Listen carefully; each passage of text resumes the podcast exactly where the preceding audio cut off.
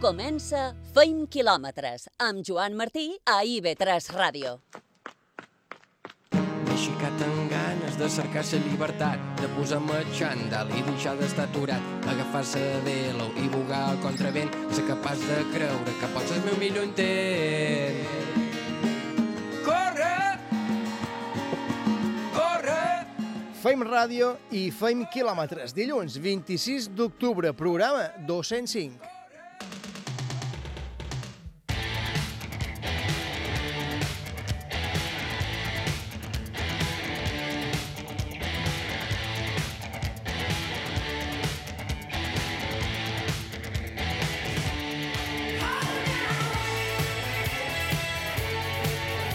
Entrevistarem avui al Modern Ariza. És periodista, reportera i ha cobert tot tipus d'informació. Ha conduït durant anys les notícies a Televisió Espanyola. Ha cobert conflictes bèl·lics, desastres naturals. Ha estat corresponsal a Pequín, Nova York, ara ho és a París, i sempre testimoni de primera línia. Una periodista tot terreny i una apassionada també del món de les curses. Ha fet maratons arreu del món. La darrera, la Marató de València. Parlarem amb ella. Tita Llorenç s'ha vist obligada a ajornar el repte de creuar el Río de la Plata d'anada i tornada. També parlarem amb ella. Enrique Morcillo i Laura Ríos s'han imposat a la 26a edició de la BTT Formentera La Mola. El ciclista ibisanc internacional amb la selecció espanyola de bicicleta de muntanya es recupera, per cert, d'una lesió i no està encara al 100%. Joan Beguer, campió d'Espanya de duatló combinat, eh, el triatleta menorquí ha aconseguit en un mateix cap de setmana el sisè millor lloc al Campionat d'Espanya de duatló sprint i ha estat quart també al Campionat d'Espanya de duatló de mitja distància.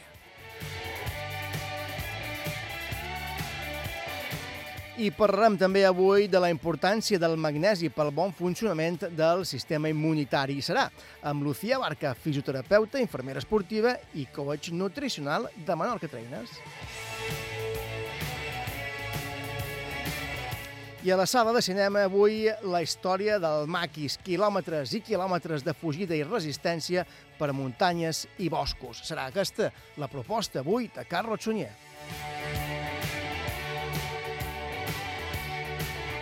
I avui ens ha deixat Bartomeu Cifra, gran esportista i fidel seguidor del programa. Avui aquest fent quilòmetres és per a ell. Miqui Fiol i Iker Hernández són al control tècnic, José Sallés a la producció i qui us parla, un servidor, Joan Martí. Començam. La verdad que, que correr mola.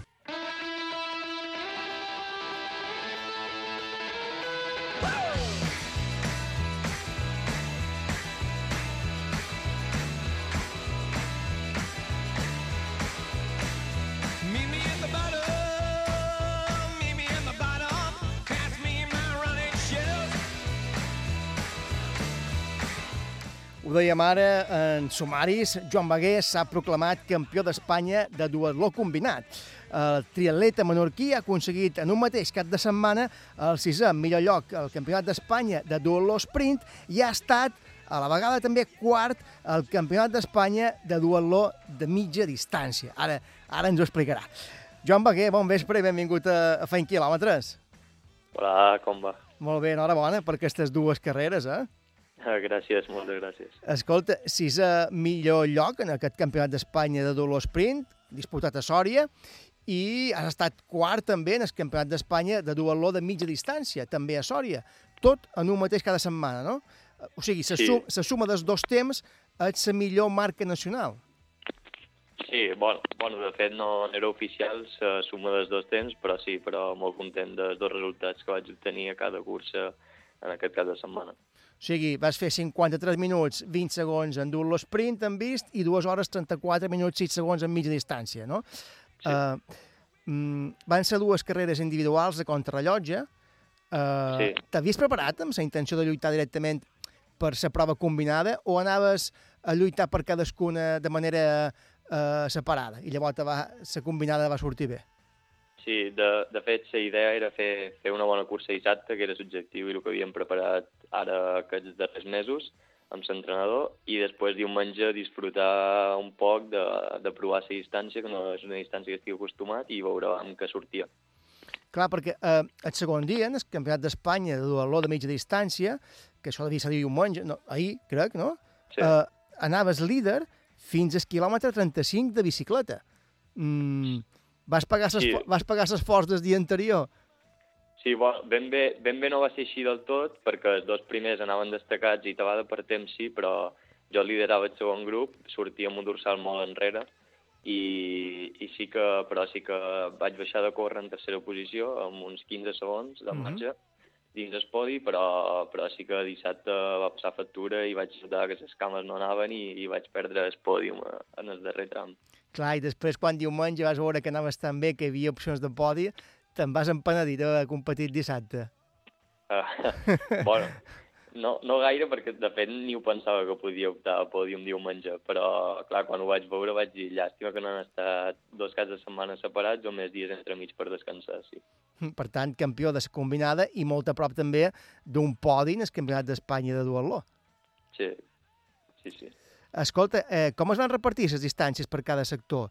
Mm, tant sprint com, com a mitja distància?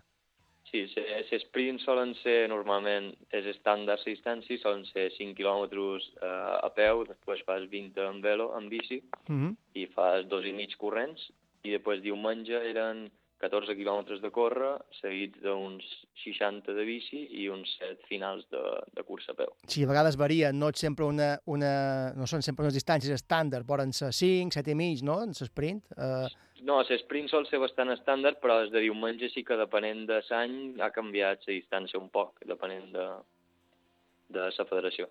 mm. Escolta, eh, Joan, i quina seria la teva, el teu millor sector, en el qual eh, rendeixes millor? Um, jo crec que Tabada antes era la cursa a peu, però ara m'estic donant compte que Tabada Que ets la la bicicleta.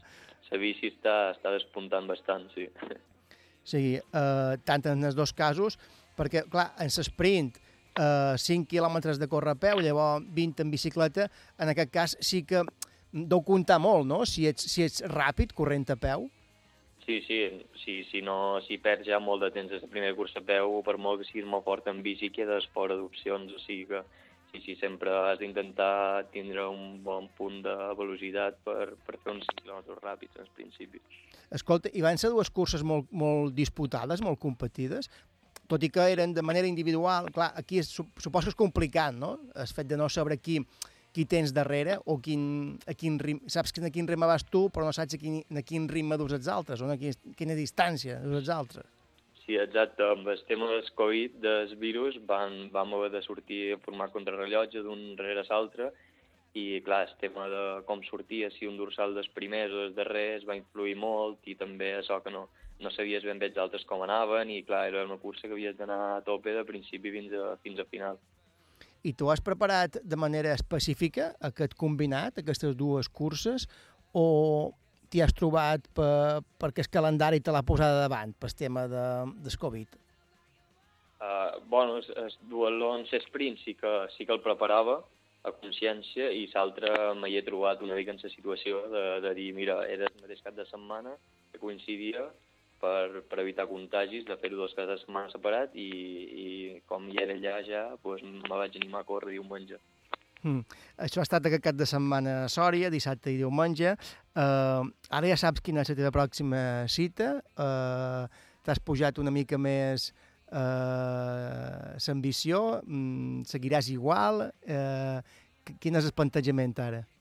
Sí, ara, ara en l'entrenador que, de fet, fins ara havia, fa dos mesos que jo entrenava per el meu compte, un poc lliure, i ara els darrers dos mesos he començat amb en Guillem Soler, que és un entrenador de, de Balears i que també corre i fa triatlons sí. i duatlons. I, i ara, bueno, ara, de fet, eh, la darrera competició que preparàvem era aquesta, tabada d'aquí tres setmanes amb l'equip Saltoki, que jo competeix, que és un equip de Navarra, Uh -huh. eh, mos fan competir la Lliga de Clubs de duatlon, la darrera prova ja de la temporada, però amb els temes vius, com no sabem si se farà o no, pues, està un poc en l'aire i, i anirem fent a poc a poc, però de cara a l'any que ve encara no, no tenim res present ni, ni preparat. Guillem Soler és un bon amic d'aquest programa. Com a triatleta és competitiu, com a entrenador t'ha posat les piles. Sí, sí, sí, perquè estic acostumat jo a relaxar-me un poc en l'estiu i durant l'any i ara que hem començat tots dos junts a preparar les coses, pues es nota que fes una planificació, més ordenat tot i, i t'apreta, t'apreten les piles i te posa, te posa puesto. I s'ha vist un canvi amb el rendiment, també, o el manco amb els resultats. Sí, el manco amb els resultats ara, aquest, aquest enguany, eh, s'ha notat el canvi, o sigui que jo crec que duim poc temps, però que podem fer molta feina i per ara s'han han donat els seus fruits. Mm. Joan Beguer o John Beguer? Uh, Joan, bueno, de fet, la pronunciació en alemany és un poc rara, però aquí solen dir Joan Bagger. Joan Bagger, no? Sí. Clar, perquè, clar, en, en les, a les publicacions a nivell nacional sorties com a John Bagger. Mm, Sí, uh, sí, bueno... Que te, te, te coneixen més com a menorquí o com a alemany. Uh, no sabria dir-te ara mateix, però, però, bueno, per el cognom saben que és un poc raro i, i a vegades ho diuen Joan Baguer o Beguer o Weiger o... Clar, no, per, Sempre per, per, per nom i per cognom. Quan te veuen escrit, pocs deuen pensar que siguis de, de Ciutadella, ets. Sí, Ah. sí, de fet, hi ha anècdotes de so de curses que, que vas per allà corrent en els primers puestos i que tenim en anglès o cosa perquè no estaven Clar, diuen, John Bagger, eh? Sí, Molt bé. Uh, Joan Beguer, ho podem dir així, no? Sí, Joan correcte. Beguer, campió d'Espanya de duatló combinat, sisè millor lloc en el campionat d'Espanya de duatló sprint i quart també en el campionat d'Espanya de duatló de mitja distància. Uh, Joan, John, esperem que aquesta sigui la primera de moltes entrevistes que te puguem fer. Moltes gràcies i fins aviat. Gràcies i fins una altra. Enhorabona. Adéu. Visca 20 quilòmetres! Wake up, darling, it's just you and me. Everything feels right, just like it's meant to be. Let's live up the morning, spend the afternoon. I d'un ciutadellenc a una ciutadellenca, Tita Llorenç, que s'ha vist obligada a ajornar el seu repte de creuar el riu de la Plata d'anada i tornada. Un repte, un desafiament que havia de fer entre dia 17 i dia 30 de gener de 2021, que era quan s'havia de dur a terme, no? Sens dubte, un dels desafiaments més importants de, de la seva carrera. Uh, aquesta cançó, que sabem que li agrada, és per, és per veure si, si, li, si la rebem amb un, amb un somriure. We could stop the hands of time, the world from spinning round. Keep the moon from coming up, the sun from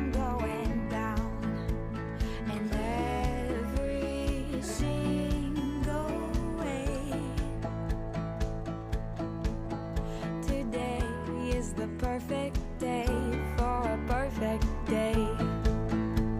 Tita Llorenç, bon vespre i benvinguda una vegada més a 20 quilòmetres. Bon vespre. Com estàs? Quina pena, quina llàstima, eh? Sí, però bon, m'he alegrat, mira. Esco No sé si serà casualitat o què, escolta, però jo pensava, segurament que ha estat una de les decisions més... Tot i que mm, a vegades no hi ha més remei, no? Però tot i així una de les decisions més difícils que hauràs hagut de prendre, no?, de, en la teva carrera. sí, la veritat que sí. El que passa que abans eh, jo dic, feia la feina i ja anava a tope de volum, ara havia de pujar més, però jo crec que molt dins, molt dins, molt dins, jo sabia que era molt difícil per tot el que estaven visquent i més. Ara vull dir les darreres notícies que són molt dolentes. Argentina estan molt malament, fa molta estona que estan malament, i abans jo estava en contacte amb ells i ells me deien uh, bueno, esperarem un poc més, esperarem, però clar, ja, ara ja havia de prendre una, una decisió. I Clar, no, no has fet, no, o sigui, no has fet de no fer el repte i, no, no, i, i tirar-lo endavant. Has fet de renunciar a tot, a tot aquest esforç previ que has dedicat, no? Tot, totes aquestes hores enmig de la mà i hores i hores de natació. sí, sí, perquè ja fa... De repte ja fa un, quasi un, un any que el Fa- tenia dins Sí, fa, de fet fa un any que en xerram, que, que en Sí, rellam. eh? Clar. Sí, i, i ara pues, entrena, ja, ja començava, ja feia quasi tres mesos que ja anava a tope de volum, el cap de setmana, i, i la veritat és que però va, va, va, vaig xerrar amb l'entrenador i l'entrenador em va dir eh, t'hem de dir abans que passejar, perquè diu, abans, ara entraràs, eh, haurem de pujar molt el volum, arriba l'hivern, els metres són més mals de fer, més difícils, perquè pensa que a la mà no hi podràs anar, hauràs de fer piscina, la piscina serà bastant dur, i, i bueno, va ser agafar el telèfon, fer la xerrada ja definitiva, i, i quan vaig veure que ells me posaven... Eh, tenia, el mateix temps tenia molta il·lusió de, de, de que jo ho fagués, perquè era la primera vegada que es feia, um, però eh, la primera vegada per ells també que es feia també era un problema, perquè clar, sense permisos, la seguretat allà eh, està bastant malament, eh, la Creu Roja va a tope i, bueno, ells me deien, nosaltres eh, volem un seguretat davant de tot i ara mateix tampoc no te la podem donar. Clar, no es podia garantir, no?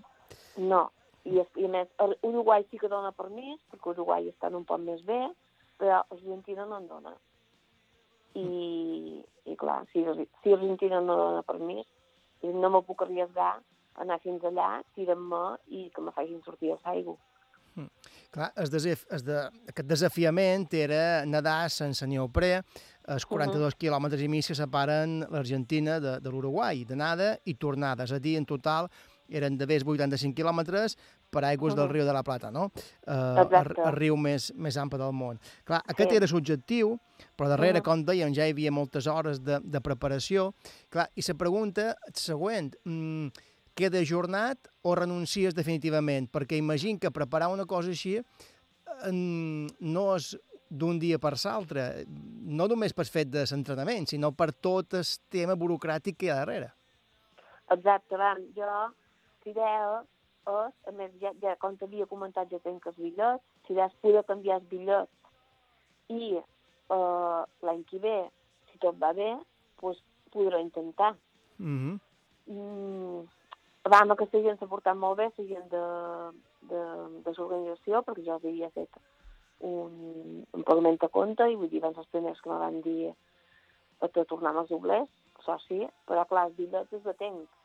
I vam, eh, la il·lusió i és de fer-ho. I jo m'agradaria tornar a provar.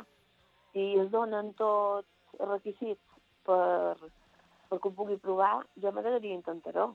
El que passa que abans l'any que ve com estan, perquè ja t'he dit, tant econòmicament com socialment, com eh, tot, és que està tot malament. Si nosaltres estem malament, ells estan pitjor encara.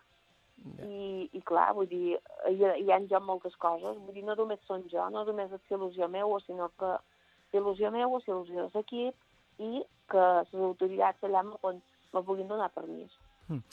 Home, si ara poguessis canviar aquests bitllets i prorrogar l'estat de forma que ara deus tenir eh, durant aquests mesos o durant aquest any per poder-ho fer després en, en garanties, encara no hauria anat del tot malament, no? Digui... No, abans, Però- jo ara sí que es veu que estic, he, he tirat, eh, bueno, he demanat un parell de coses per fer, estic esperant que me contestin, eh, i m'agradaria fer coses. Ja, diguéssim, per aprofitar l'entrenament que he fet, evidentment, sort que vaig poder fer rande, sort. Exacte. Per tant, o sigui, Tita, ara podem dir que no queda anul·lat, en principi queda ajornat el repte de fer Sí, Rio de la. Plata, d'anada i tornada, Sí. que 85 quilòmetres d'Uruguai, um, de l'Argentina a l'Uruguai, de l'Uruguai a l'Argentina, per riu més ample del Mhm. món, o sigui, queda ajornat, de moment no queda anul·lat, Uh, però clar, nosaltres coneixem a Natita i Natita no quedarà a casa seva.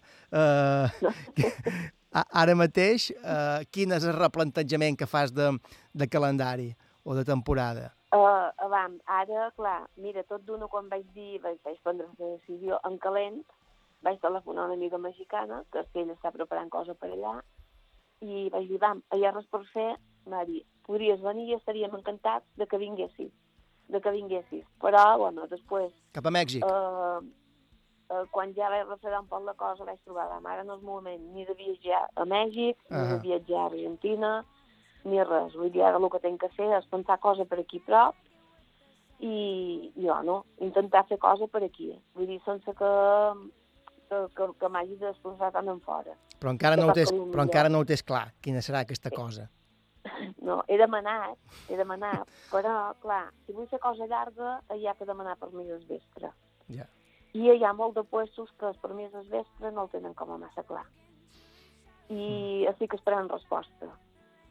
Que me diguin, a veure, vam, si, si puc, me donaran permís o no. Tot és molt complicat ara, Tita. I Molt, molt. Eh, ja ho és de per si, segurament, demanar permisos per, per, per sortir amb embarcacions, al vespre, poder fer una expedició ben feta. Eh, I ja ho és de per si, no quan, quan, quan i més ara, no?, amb aquesta, Sí, i amb aquesta Mira, pandèmia. jo ara, per exemple, aquí vaig, vaig, vaig demanar eh, la setmana passada, dilluns, vaig fer una telefonada, van contestar tot d'una, i ara espero resposta. Les ganes meues són de telefonar abans que ja puc demanar res. Però ells estan tan malament com nosaltres, vull dir, i me sembla que ara, pensant en això, quasi, quasi que és un pecat, així com està tot. Com que no, com que no mos diràs quina la tens pensada, quan tinguis els no permisos... il·lusions. quan, quan tinguis els permisos, eh, nosaltres, com que mos il·lusionem tant com tu, mos avises i, i, i, i, i, i, ens- i mos ho contes. Eh, Sereu els primers. Tita. Llor- eh, Tita Llorenç, que s'ha vist obligada a ajornar aquest repte de creuar el riu de la Plata, d'anada i tornada, confiem que només sigui un canvi de data, esperem que sigui, perquè paciència i perseverància també és cert que has demostrat que, que amb això també ets una campiona. Tita, Sí, és veritat que sí. moltes gràcies per estar a, a, a feint quilòmetres. Una, una abraçada i molt d'ànims. A vosaltres per pensar en jo, sempre. Adéu, Gràcies. Tita. A tu, adéu, adéu. Adéu. I've got another confession to make. I'm your fool. Everyone's got the chains to break. Holding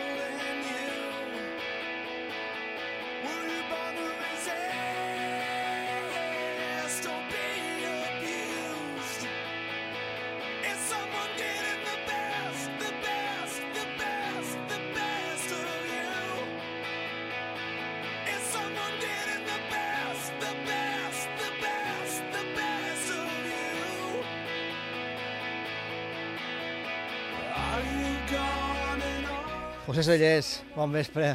Bon vespre, Joan. La Tita Llorenç, que haurà d'esperar, eh? però segur que, segur que trobarà, trobaràs moment. Si has estat capaç de creuar d'Eivissa a la península o de, eh, o de negar l'estret de Gibraltar o d'Alcatrà de San Francisco, eh, paciència perquè, vamos, eh, ho, ho faràs segur. Paciència i capacitat d'espera no n'hi falten. No, i tampoc n'hi falten, eh, per cert, Eduardo Urrac, que, que ha establert, si no vaig equivocat, el primer rècord de la volta a Mallorca en una embarcació en solitari. Sí, el, el regatista ha completat la volta a l'illa en 25 hores, 5 minuts i 58 segons amb l'embarcació Azuré. Aquest repte se'l va proposar Joan en el 2017, fa 3 anys, després de superar un càncer i ho ha aconseguit. Déu-n'hi-do, eh? La volta a Mallorca en solitari, na- navegant. Intentarem tenir-lo aquí la, la setmana que ve, que, que, que ens ho expliqui. Uh, I Albert Torres, que ha completat uh, Giro d'Itàlia, l'ha acabat. Sí, sí, sí, després de no sé quantes setmanes, de 3 setmanes, el ciclista de Ciutadella ha acabat la cursa italiana en la posició 106, eh, la classificació general, a quasi 5 minuts del guanyador, que enguany ha estat el britànic de Leos Tao Geo Geogan. Sí, així. sí l'ha guanyat justament eh, Sí. un nom britànic mal de, ma- mal de pronunciar. Això mateix. i el Giro ha acabat però, per en Albert Torres, però, però no la Vuelta, per en Enric Mas. No, el ciclista artenenc és cinquè a la general a un minut i set segons del líder, l'equatorià Richard Carapaz, i avui eh, hi ha hagut jornada de descans i demà es disputarà la setena etapa de mitja muntanya entre Vitoria i Villanueva de Valdegovia. Sí, escolta, el ciclisme balear té un bon present, però l'atletisme també té un bon present i un bon futur. Sí, perquè Daniel Castilla s'ha proclamat aquest diumenge campió d'Espanya sub-16 de llarga al Nacional de Granollers. Eh, L'atleta ha firmat eh, un vot de 6,72 metres, Joan. Ja ja n'hi ha, eh? eh, un, bon, un bon salt. Sí. Escolta, i mm, bons resultats també a la Copa d'Espanya de Clubs Màster de Torrevieja. Sí, on el Playas de Castellón de Joaquín eh, Rosselló s'ha proclamat campió als 400 metres relleus amb un temps de 3,45 perdó, 35. També Marisol Martínez es va imposar a les tanques i Susana Fernández als 1.500 metres amb un temps de 5,05,30. I en ciclisme, ho dèiem també, ho comentàvem al principi, Enrique Morcillo i Laura Ríos han guanyat eh, la BTT La Mola Formentera, o la Formentera La Mola. Sí, el ciclista eivissenc ha completat els 23,4 quilòmetres de la prova en una hora de 9 minuts i 32 segons, poc més de 10 segons que el seu perseguidor Toni Bonet. A més, Laura Ríos ha creuat la línia de meta en 2 hores, 2 minuts i 59 segons. Idò, eh, si te sembla tot d'una estem amb ells perquè ens expliquin com ha estat aquesta Formentera, la Mola, MTT. Eh, fem una aturada a la publicitat i tornant tot d'una amb Enrique Morcillo i Laura Ríos.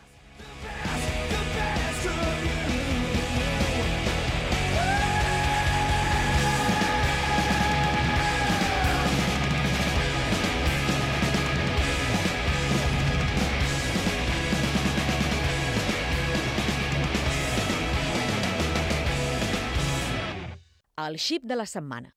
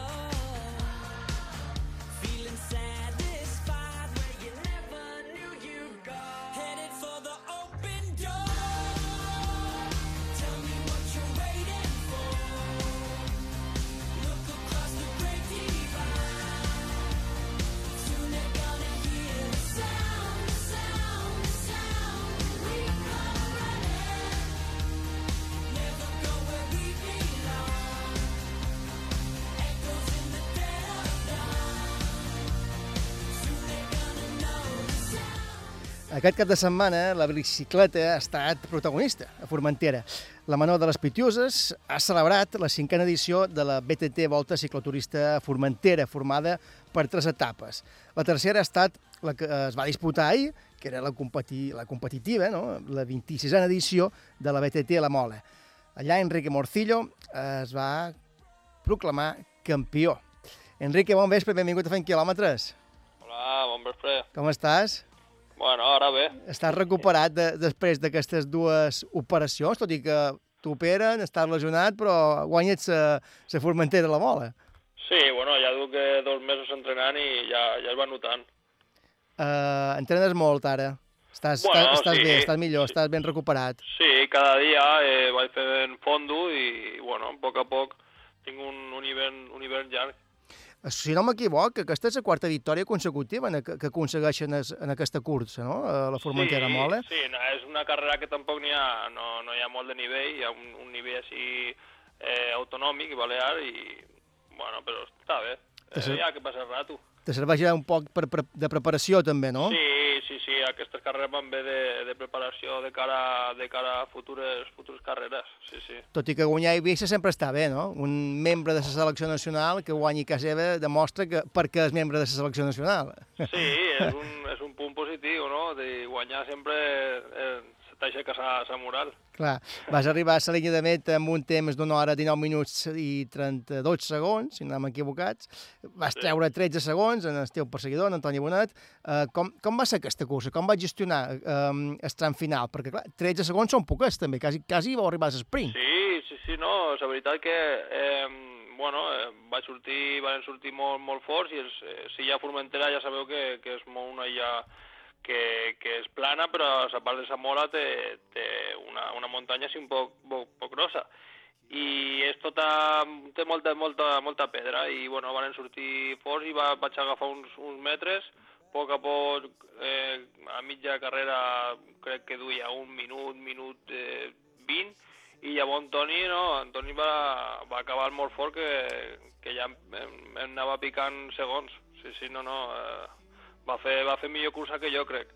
Tot i que aquest tipus de curses per tu són com una preparació, no? com un entrenament després per sortir a competir, eh, aquesta victòria ha estat com un, com un premi, no?, per després... Eh, per, un- per un any on tot eh, on no hi ha hagut Sí. tantes cancel·lacions, on has, has estat lesionat, on ha costat Sí, no, no. tir, tirar endavant. Ja tant, tant de mesos que, que he estat parat, al final ja, ja duc de dos mesos i a poc a poc es, es veu, es veu el treball, el treball que, hi ha, que hi ha darrere, sí, sí. Mm, Perquè crec que hi havia el Mundial, també, de... Sí, va ser, va ser ahir. Fa, una, fa un any estava, estava corrent el Mundial. Mhm. Aquest any no, no, Vas preferir no, no anar al Mundial i, i córrer a Ibiza i començar a... no, no preferir, sinó com he estat lesionat, Clar. la selecció, el seleccionador no, no m'ha portat. Ja. I llavors tampoc tenia possibilitats aquest, aquest any de, de fer res. Mm. Enrico Morcillo no va ser l'únic eh, guanyador de la jornada. Ahir en modalitat eh, eh, en dones va guanyar Laura Ríos, que va ser la primera també en creuar la línia de meta. Laura, bon vespre i benvinguda també a Fent Quilòmetres. Bon vespre, Joan. Com estàs? Molt bé. Tu vas guanyar amb bastanta solvència, també vas deixar la segona classificada, Nieves Lozano, eh, a més de 5 minuts. En el teu cas no hi va haver aquest sprint final. Eh, com va ser la teva carrera, Laura? Bueno, vaig fer tot el que vaig poder, vaig caure, de tot, i anar a tota. No em vaig relaxar. No, I t'esperaves fer aquesta bona cursa, guanyar amb aquest, amb aquest marge? No. A veure, jo sempre surt a exigir-me jo mateixa sense pensar el que em faran els meus contrincants i pensant jo el que puc donar. Hm. Quina part d'aquest recorregut és, és el més dur? On vas, on vas patir més? On te va costar més mantenir el ritme? Bueno, és molt tècnic i a les pujades, per lo menos sé jo, les pujades tècniques pues, me va costar bastant seguir d'un ritme constant. Hm. Ara en parlàvem amb en Enrique. Um, ha estat més difícil de preparar aquesta edició d'enguany eh, per les incerteses que, que hi ha i que si fa unes setmanes se faria, si no se faria. Uh, és més complicat preparar una cursa així o, o és millor no pensar en les curses i anar entrenat i si hi ha curses se fan? Bueno, amb el paron que, va, que vam tenir, jo per exemple no vaig tenir rodillo, no vaig tenir res per entrenar i després va ser començar a entrenar poquet a poquet i, i sense pensar, jo per lo menos, sense Mm. pensar perquè també aquest any era el, mi- el primer. Mm. Enrique, imagina que en el teu cas, ara que na Laura ho diu, eh, imagina que tu que te devies començar a recuperar durant el confinament, sí que devies fer rodillo, no? Rodet? Sí, sí, sí, bueno, com, com cada dia, però en vez de sortir, sortir fora a entrenar, doncs a casa. Mm, I tant. Laura, qui, quins plans tens ara per, eh, que, per, mm, pel que queda d'any? Quin calendari tens? Bueno, nos queda la carrera de Portinats Mm? i crec que ja està... Ja estarà hem acabat l'any, ja estarà acabat aquest any, no? A veure si el 2021 és un poc millor. I en el teu cas, eh, Enrique, eh, esperar que la recuperació eh, vagi per bon camí i començar a agafant forma, millor forma. Sí, bueno, ara tenim un, un hivern bastant llarg.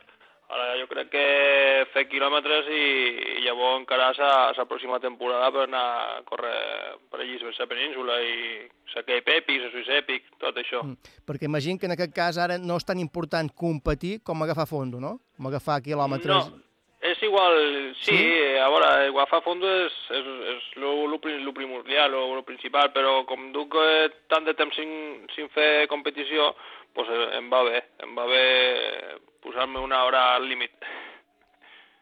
Enrique Morcillo i Laura Ríos, guanyador i guanyadora de la BTT La Mola 2020. Moltes gràcies a tots dos per compartir aquests minuts eh, amb els oients de Feint Quilòmetres. Sé, Laura, que tu tenies una classe ara de, de, d'entrenament, te l'has eh, deixat de casa per poder estar aquí amb nosaltres, t'ho agraïm, i, i molta sort a tots dos per, pel que queda d'any i perquè el 2021 comenci una miqueta millor i acabi encara millor. Gràcies. Gràcies a tots dos. Uh, feim ara una aturada per la publicitat i passam després a l'avituallament.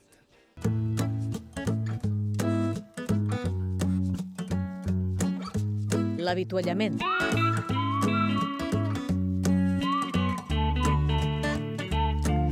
Obrim consulta, tenim ja Lucía Barca, fisioterapeuta, infermera esportiva i coach nutricional de Menorca Trainers. Bon vespre, Lucía, com estàs? Benvinguda una setmana més. Bon vespre, aquí estoy, con ganas de Ah. hablar con vosotros ya. Escolta, parlem avui de la importància del magnesi, no? Mm, de, cap, de cap mineral uh, per, per el bon funcionament de, de, del cos i del sistema immunitari. Uh, Lucía, per entrar en matèria, mm, què és el magnesi? Perquè molta gent en pren com a suplement. Què és el magnesi? Pues como bien decías, es un mineral que se considera esencial para la nutrición humana, es imprescindible. Ah, y es importantísimo porque forma parte de más de 300 reacciones bioquímicas en el organismo. Y es también el cuarto catión más abundante en nuestro cuerpo y el segundo más importante dentro de, de la célula. Su contenido es de unos 25 miligramos en el cuerpo de, un adulto y lo encontramos en, los huesos, en los músculos, en el interior de las células, como decíamos, y tejidos blandos donde participa en la utilización de la energía metabólica. Es decir, es un, resumiendo, es un mineral y está presente en determinados alimentos. O sigui, un mineral, és magnesi important eh, pel cos humà i, sobretot, també important per esportistes. Sí, es, es un mineral básico para el deportista, eh, esencial para el trabajo muscular, sobre todo para la relajación y el buen funcionamiento también del corazón, que esto es muy importante también. Mm, principalment en esports d'alta intensitat i, i llarga durada. Eh, sí, podríamos decir que sí. Eh, la práctica deportiva de alta intensidad y, o duración, es decir, mm, donde nos extenuemos, que sea, ah, que sea intensa, eh, genera una pérdida mayor de magnesio y la falta del mismo mm, conduce a una reducción de las capacidades de resistencia y también de la adaptación al esfuerzo. Es importante, por tanto, valorar la disponibilidad del magnesio en la dieta del deportista, es algo que hay que prestar mucha atención para que no nos falte y esto no nos dé problemas. I, I una pregunta que crec que és clau. Uh, què pot passar si tenim nivells baixos de magnesi? Pues mira, si tenemos una deficiencia de, de magnesio, que es, es poco común, ah, pero cuando ocurre podíamos notar repercusiones como calambres, debilidad, dolores musculares, porque decíamos ahora que tenía importancia en, en la contracción y la relajación de la musculatura, eh, irritabilidad, fatiga, podíamos tener alteraciones en el ritmo cardíaco, de la presión sanguínea también, incluso en causa en, en- situaciones muy severas podía dar lugar incluso a problemas neurológicos, cardiovasculares, renales o gastrointestinales. Déu-n'hi-do. Estamos hablando de, de cosas importantes. Clar, I si és un mineral tan important per al cos, eh, el cos no el produeix per si mateix. No, necesitamos aportarlo de manera externa con la alimentación. Mm. I, i, com es, I com es produeix aquesta falta de magnesi? Pues mira, lo, perdemos por diver- diversas causas. A ver, primero puede haber un problema de absorción, es decir, que no lo absorbamos bien y eso nos puede causar un, déficit. Y luego ah, podemos perderlo, por ejemplo, en, en deportistas, cuando están sometidos a un estrés físico, pero también mental, ¿eh? Eh, importante, podemos ah, hacer que, que el magnesio que se encuentra en la célula se libere al torrente sanguíneo y posteriormente pues sea eliminado, ¿no? Mm, Se consuma. A mayor estrés, mayor pérdida de magnesio. Con la edad, el contenido de magnesio orgánico también tiende a disminuir. Ah, por lo tanto, aquí sería muy importante mm, reponerlo mediante, mediante la dieta, mediante la alimentación. I, I quina quantitat de magnesi hauríem de prendre si en tenim una deficiència, si el perdem?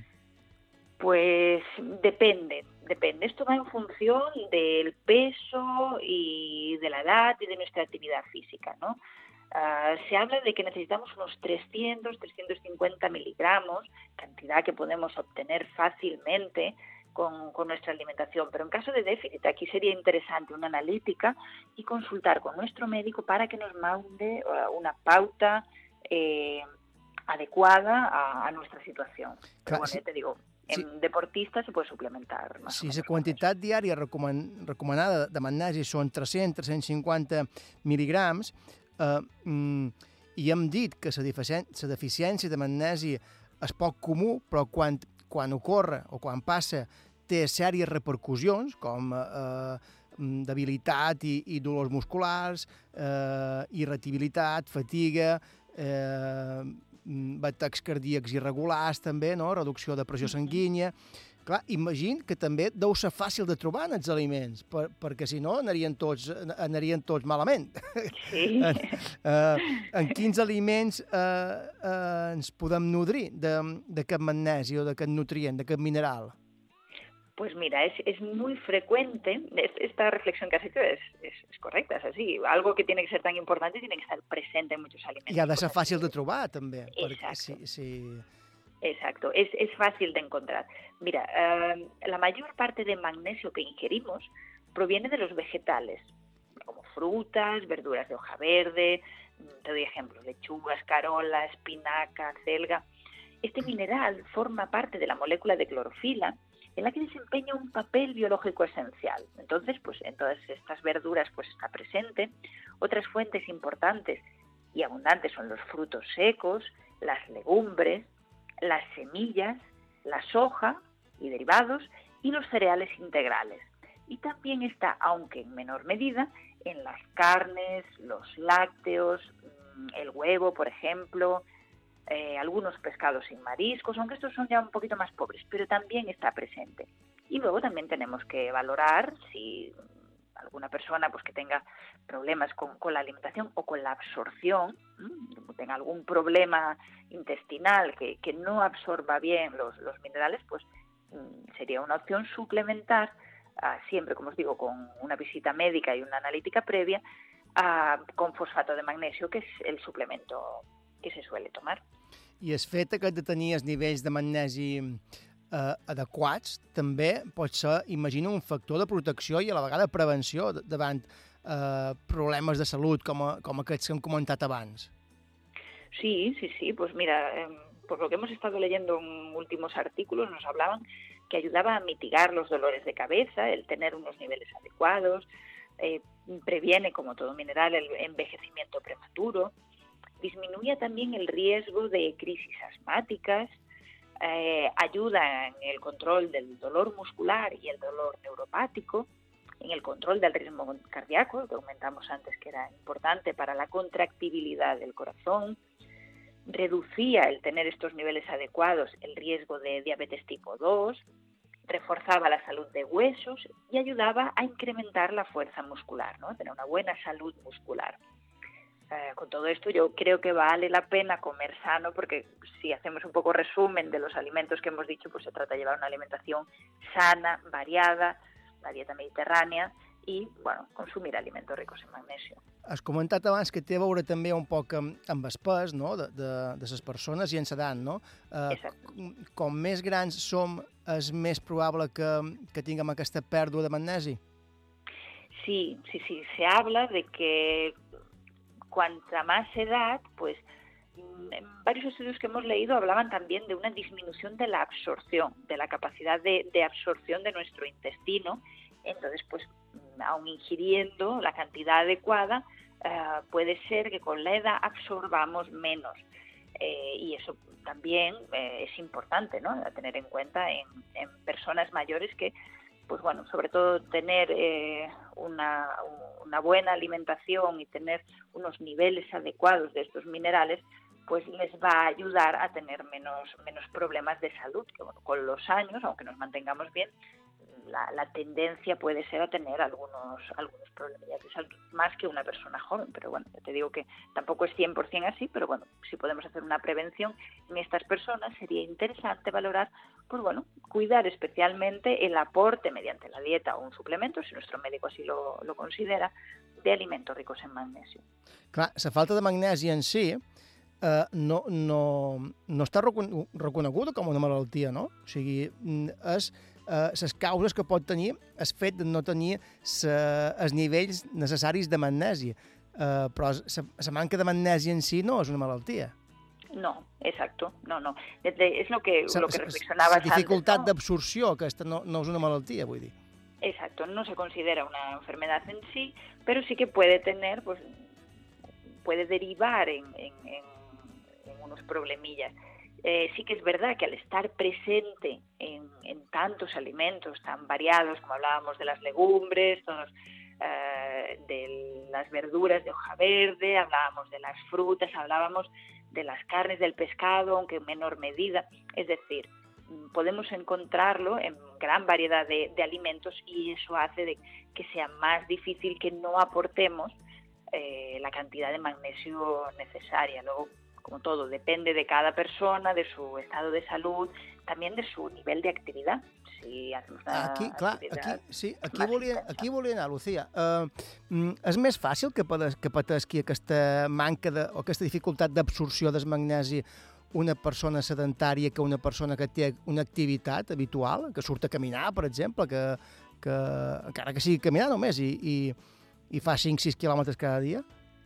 Pues mira, leí un, esta semana leí un artículo preparando este tema interesante, un artículo eh, de una revista médica americana, que decía que aunque está relacionado con, un- con una mayor actividad y que perdemos más ¿no? cuando, cuando hacemos una actividad intensa, del, en largo tiempo o, larga o, intensidad importante, se relacionaba eh, con el sedentarismo el hecho de tener niveles bajos también. se había se ha hecho un estudio sobre esto que me llamó la atención. Así que sí que puede haber una, una asociación entre personas sedentarias y, y también hablaban de otros, de otros minerales. Así que mm, lo que hablábamos es súper importante ah, mantenernos en movimiento, estamos hechos para movernos, es muy importante eh, cuidar la alimentación, por supuesto en deportistas, pero también en personas que no lo son. Clar, després d'una activitat física intensa i de llarga durada, el que comentaves abans, no? és més probable que, que haguem perdut magnesi que si no hem fet res, no? Però també és més probable que tinguem eh, problemes d'absorció si duim una vida sedentària i no fem aquesta activitat. Sí, sobre todo si llevamos una alimentación mm, rica en procesados, en grasas, en azúcares, posiblemente tengamos más eh, tendencia a tener problemas intestinales y, que nuestra absorción pueda ser puede ser peor. Luego siempre habrá excepciones y porque esto nunca es una, una ciencia exacta, pero ya te digo, había un artículo que hablaba un poco de, de esto, hablaba del magnesio y de otros minerales también, ¿no? y en personas sedentarias. Eso era, era interesante también. I la recomanació, ja per acabar, sempre la mateixa, no? Abans d'arribar en els suplements i abans d'arribar eh, haver de fer activitat ràpidament per, per sortir d'aquest sedentarisme, el millor és menjar bé, com has dit, no? I, i fer una activitat física diària, prudent i, i habitual, no? Ja, ja per acabar, Lucía, quins serien els, els aliments allà on podem trobar eh, aquest mineral, el magnesi? Pues mira, eh, en los vegetales, sobre todo los de hoja verde, eh, porque estaba presente la molécula de clorofila, acordaros, y luego también los frutos secos, las legumbres, las semillas, la soja y sus derivados, los cereales integrales, estos como fuente principal, y luego en menor proporción también carnes, los productos lácteos, el huevo, los pescados y los mariscos, aunque estos últimos ya con, con menor cantidad. I hi ha aliments, ara ha vingut en escapa aquesta pregunta, hi ha aliments que eliminin el magnesi? En principio no he encontrado nada sobre esto, no te lo puedo asegurar, pero de lo que de toda la bibliografía que, que he revisado no, no, no se habla. Hablaban de que el alcohol, las personas que consumen alcohol eh, con frecuencia, tienen mayores problemas de absorción de, de este mineral y de muchos otros. Pero que haya un, alimentos que, que bloqueen la absorción, en principio yo no he leído sobre, sobre ninguno. De todas formas, ah, como seguiré leyendo sobre estos temas, si, si encuentro algo os, os mantendré informados. Si trobes algun aliment que, que neutralitzi eh, la feina de, del magnesi, ens expliques la setmana que ve, que segurament eh, tindrem ocasió, perquè parlarem d'un altre, altre tema ben interessant, com, eh, com aquest de, de la necessitat de tenir els nivells adequats i correctes de magnesi en el cos humà, tant per, per la població en general com per la gent que fa esport de manera intensa, perquè és quan més, és quan més en perdem. Tot i que també se'n perd bastant si estem asseguts i no fem res. Um, Lucía Barca, en conclusió, el magnesi un mineral essencial per al bon funcionament del cos i la ment, també has dit, eh? i la ment Exacte. de, de ser ser humà. i per la protecció del sistema immunitari i la prevenció de problemes de, de salut. Uh, Lucía, Lucía Barca, fisioterapeuta, infermera esportiva i coach nutricional de Menorca Trainers. La setmana que ve uh, tornem a parlar aquí, fent quilòmetres. Aquí estaremos. Una abraçada, Lucía. Una abraçada. Adéu, bona Adéu, nit, adéu, bona nit.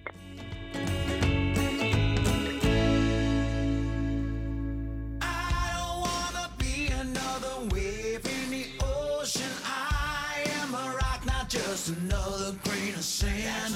Wanna be the one you run to when you need a shoulder. I ain't a soldier, but I'm here to take a stand because we can. Fent quilòmetres és aquí, a la sintonia d'Ivetes Ràdio, la ràdio autonòmica de les Illes Balears. I som també, però, a les xarxes socials. Som a Facebook, som a Twitter i també a Instagram. Mos trobareu també a la pàgina web fentquilòmetres.com. Allà hi trobareu tots els continguts del programa, a més d'altres notícies i seccions exclusives de la web. Allà podreu tornar a escoltar l'avituallament que parlàvem ara en Andalucía, per exemple. A més, si voleu rebre la newsletter de Feint Quilòmetres amb les darreres novetats sobre les curses de trail, de running, de triatló, natació o ciclisme, podeu fer-ho escrivint un e-mail a info arroba feintquilòmetres.com. Feint quilòmetres, per cert, també és música i també és Spotify. Mos trobareu a la llista FKM, Feint quilòmetres, i podreu escoltar tota aquesta música que sona al programa. Take a stand because we can.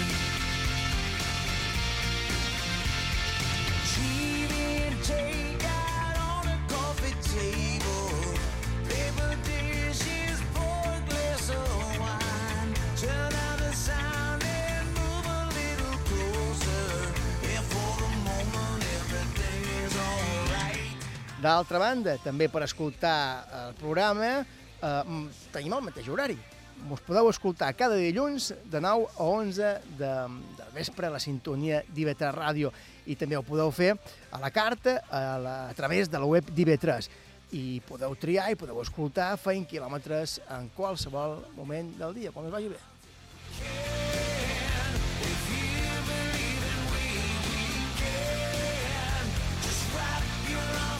Ara sí, fem una aturada per les notícies de les 10 i tornant tot d'una amb el Modena Ariza.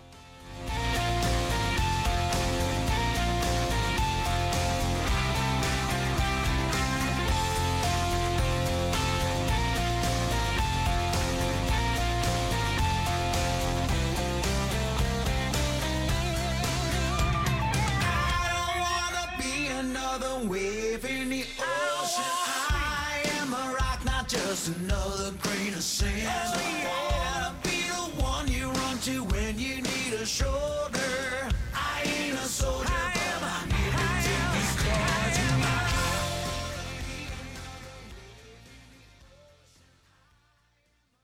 Vamos nosotros ahora a la crónica, que la cuenta todas las noches aquí.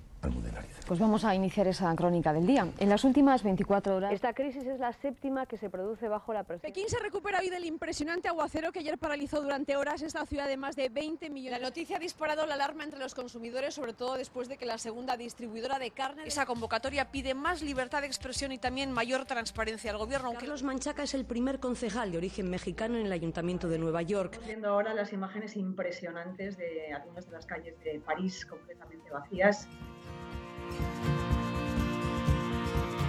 L'entrevista.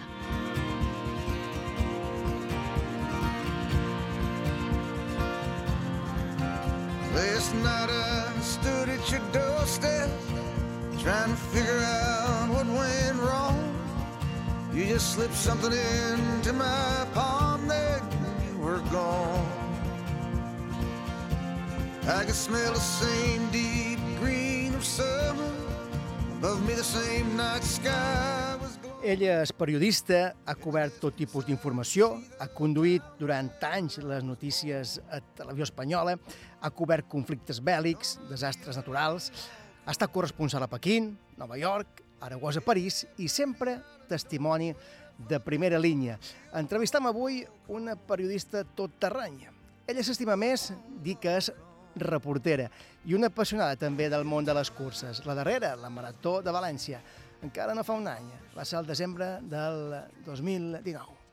y comienza el Maratón de Valencia 2019 y el último 10K también aquí en Valencia 2019 donde se busca la plusmarca mundial. Es una de las imágenes más bonitas que ahora mismo en el mundo se pueden eh, conseguir de una salida de un maratón.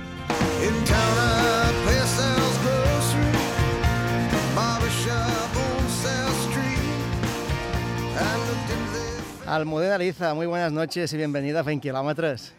¿Qué tal? Buenas noches. Oye, muchas gracias por ese arranque tan bonito, muy currado y muy emocionante. ¿Qué o sea que ya me habéis ganado. ¿Qué tal? ¿Cómo estás? Encantados de tenerte aquí en el programa. Eh, Igualmente. Oye, ¿qué, qué tienen, qué tendrán las, las maratones que, que, que tienen eso, ¿no? De, de- que, Sí. de- que, que tiene eso de salir a correr que te engancha tanto. Pues mira, si me lo llegas a preguntar hace seis años que yo no corría, pues me había parecido eh, una respuesta absurda, em, porque bueno, yo de hecho tenía amigos que corrían y siempre me han parecido unos tipos un poco raros y frikis y tal, ¿no? Y, yo de hecho cuando todo comenzó, cuando eh, yo ya estaba en Nueva York de corresponsal, y entonces bueno, pues una de las cosas que tuve que hacer fue cubrir la maratón de Nueva York. Y si os digo la verdad, me apetecía bastante poco, porque no, no sé, ni siquiera como espectadora era un, eh, un acontecimiento deportivo que nunca me había llamado especialmente la atención ni como espectadora, ¿no? Pero bueno, yo eh, nada, pues fui un par de días antes, quedé con algunos corredores que estaban entrenando, empecé a conocer un poco, bueno, un tipo de, corredor de maratón que yo no sabía muy bien que existía, que eran los, corredores amateurs em, eh, que se plantean la- la- el reto extraordinario de correr una maratón, gente normal y corriente que de pronto, pues eso, hacía algo extraordinario que era plantearse el, hacer una aventura mm, eh, tan difícil, ¿no? Y tan costosa y gente que no eran Gente atletas, ¿no? normal, ¿no? Era gente, Gente que- normal, sí, gente que no eran atletas profesionales y entonces, bueno, pues todos tenían una motivación muy grande, pues unos un tema de salud, otros se lo habían dedicado a alguien, otros se habían planteado ese reto porque habían tenido, pues no sé, algún problema personal. Bueno, y, y de hecho me parecieron todo, las historias que conocí me parecieron extraordinarias. Bueno, esto ya cuando llega el día de la carrera, eh, claro, la carrera, de- o sea, la maratón de Nueva York, el ambiente es brutal porque son como dos millones de personas en la calle animando, la ciudad entera se vuelca. Y yo, claro, me, contagió todo ese ambiente, pero sobre todo lo que, lo que me, a a mí me cambió eh, radicalmente fue el ver a esa gente que yo había conocido un par de días antes, ¿no? a los que había entrevistado y tal, y ver cómo llegaban a la meta, lo que habían conseguido, la felicidad tan grande que suponía para ellos. Y, y cómo estaban, estaban tan, tan, tan felices que me, dieron, me dio tanta envidia y pensé, algún día me gustaría hacer lo, lo que ha hecho alguno de ellos, ¿no? O sea, sentir ¿Cómo esa puede emoción. ser que se hayan tirado 42 kilómetros y, y lleguen, Sí. lleguen felices, ¿no? Exactamente. Bueno, no, pero sobre todo el haber cumplido el reto, la Claro, sensación de- claro. De, haber cumplido un sueño, ¿no? Y, y ahí ya eh, eso lo tenía mm, rondando en la cabeza, ¿no? Y esto fue en noviembre del 2014, la maratón del 2014, y ahí empezó, algo me hizo clic. Y, y bueno, entonces me iba, yo no corría, o sea, bueno, he sido activa, he hecho más o menos actividad física, pero nunca he sido deportista. O sea, iba al gimnasio, he bailado mucho porque me gusta mucho bailar, y, y bueno, eh, pero no, no- nunca una actividad deportiva como tal, ¿no? Y bueno, entonces yo me- por la noche en Nueva York, que- que- porque me daba un poco de corte, yo pensaba, digo, yo creo que yo no sé correr, se me ha olvidado correr. Y, y entonces me iba por las noches, a- yo vivía cerca del río Hudson, y entonces me iba por las noches para que no me viera nadie, me ponía a correr un poquito, pero yo me ahogaba, o sea, es que corría como 10 minutos y ya estaba mm, que no podía. Pero poco a poco, eh, durante todo ese, todo ese invierno, eh, o sea, los siguientes meses, eh, bueno, pues notaba que cada día corría un poquito más, me sentía bien, me tranquilizaba, me relajaba, me sentía más serena. No sé, yo notaba que tenía muchos beneficios. Y luego es verdad que en Nueva York el ambiente corredor es, es, es- muy estimulante, ¿no? Hay mucha gente corriendo, gente de toda condición física, edad, eh, mayores, jóvenes, delgaditos, gorditos, o sea, no, hay lugar para el complejo, ¿no? Claro, eso es a lo mejor eh, lo que tiene este deporte, ¿no? Iba, a decir ahora, eh, mm, una de las maratones que también has participado es en la de, en la de Valencia, ¿no? Eh, justo hace un año, claro, y ahí eh, coincidía, eh, estabas tú y estaba el etíope Derege, que, que logró la mejor marca de, la prueba, que, es, que fueron 2 horas 18 minutos 30 segundos, y estaba también una, una gran profesional, mm, que era Derege también, y el etíope Aleuye, y, y, y- y ahí estaban otros populares, ¿no? Estaban ellos y yo. Claro, claro. E- Es, es- es esa mezcla entre, entre el popular y el profesional que, se, que, se, que coinciden en una línea de salida. Totalmente de acuerdo, sí, sí, pero, pero hay mucho más que eso. O sea, em, yo, o sea, evidentemente el, el correr estas carreras es algo extraordinario y que te cambia la vida y, y- y- y el camino es muy, es muy chulo, ¿no? O sea, el- lo que es el camino, la preparación hasta que llegas a una carrera, que bueno, al principio es simplemente el correr tu primera carrera de 10 kilómetros, ya lo consideras una heroicidad, pero es que luego haces una media maratón y luego ya el momento maratón, o sea, es que no te puedes querer más, ¿sabes? Claro, Porque realmente Claro, la gente que nos oye, bueno, supongo que en este programa hay mucho deportista y pero claro, a mí me, el mensaje que a mí me gustaría lanzar es para la gente que no corre o que no ha corrido nunca y que se plantea, bueno, ¿y yo seré capaz yo, mm, yo era de las que pensaba que no iba a ser capaz de dar cuatro pasos, ¿no? de, correr igual más de un kilómetro y al final pues he hecho cinco maratones. Y, y- y de verdad que es una sensación extraordinaria. Pero aparte de eso, em, yo lo que he descubierto también es que, por ejemplo, en esta época en la que estamos sin carreras, porque no hay maratones, no hay eh, carreras mm, populares, em, he descubierto que, bueno, pues que el correr sin presión, sin la presión del entrenamiento, sin la presión del reto, que por un lado es muy bonito porque es muy estimulante, pero simplemente el hecho de, de- correr y disfrutar, y yo creo que eso lo tengo. O sea, ya en estos años que llevo corriendo, eh, lo he incorporado como una actividad que me hace mucho más feliz, me serena, me, me inspira, eh, me, me vuelve más productiva. Es como la píldora de correr, ¿no? O sea, para mí un día, eh, un día bueno en mi vida es un día en el que corro. Y, y- y cada sea- vez que salgo a correr, incluso llueva, hace frío, estoy sin ganas, siempre vuelvo mejor. Ahora, ahora ya eh, se ha convertido en un hábito, porque ahora, por lo que cuentas, has superado ya esa fase de la marquitis, Sí, ¿no? Ahora ya- sí. ya no te preocupas tanto por el hecho de, de cuánto tiempo voy a estar en, en correr esos 10 kilómetros, sino en disfrutar de, de estar haciendo esta actividad, ¿no?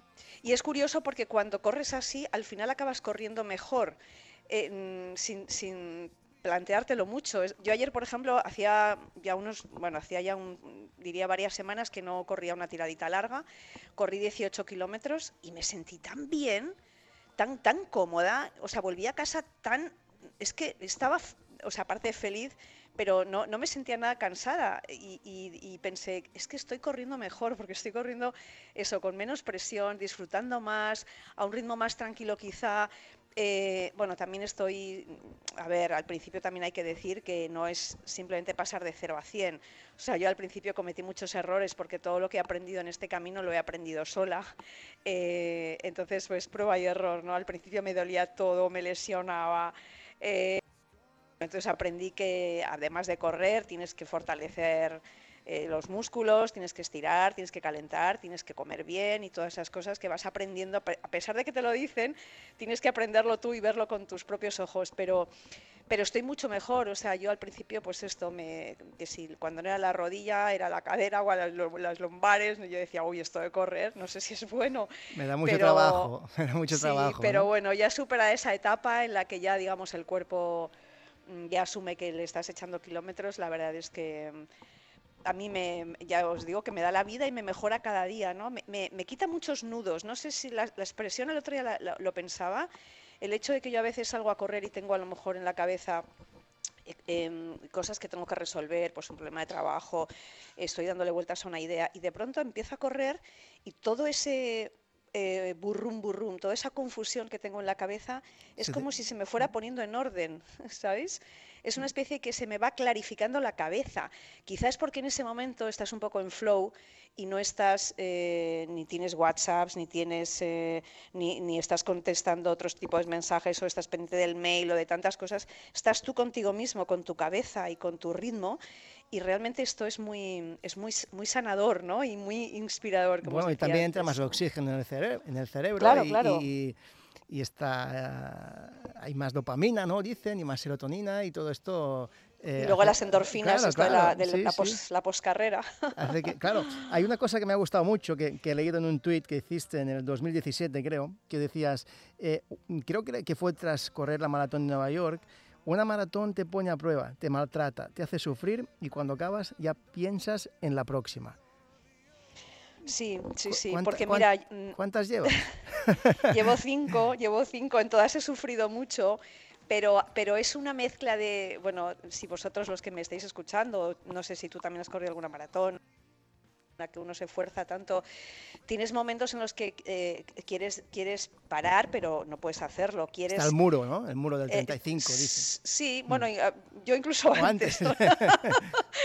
Pero aquello de que dices, ¿y a mí quién me manda a meterme en esto? ¿Y por qué? ¿Por qué lo hago? ¿no? Tienes, eh, pero de pronto también tienes momentos de euforia que dices, guau, esto no lo cambio por nada del mundo, ¿no? Entonces vas un poco como la vida, ¿no? Quien, alguien decía también, una maratón es como la vida, ¿no? Pues eso, tienes momentos de gloria, momentos maravillosos, momentos en los que no quieres saber nada de nadie, bueno, y, y- pero claro, una vez que terminas, es que, es, es que esa sensación, esa felicidad, pues se te olvida todo, claro, esto es así.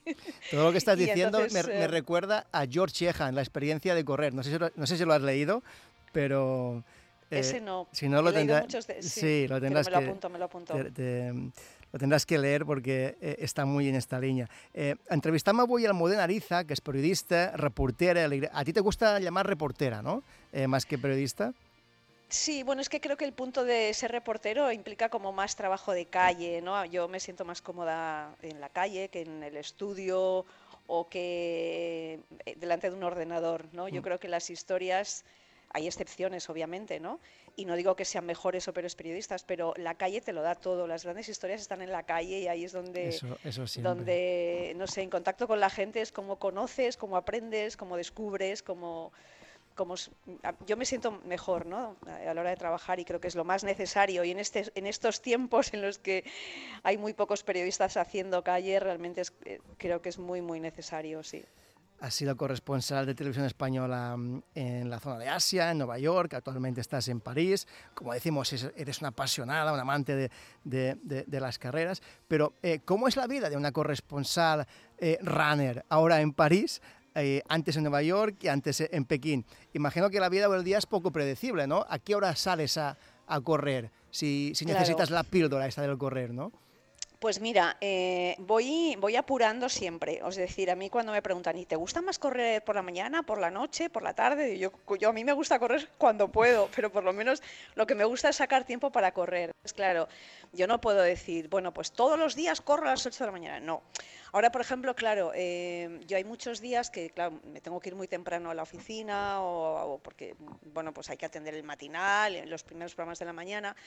Entonces, eh, si sé que hay algo, pues no me puedo ir a correr porque ya si corro pensando que tengo que ir a trabajar, o sea, que va a pasar algo, ya estoy agobiada, con lo cual ya no me relajo, entonces no me gusta.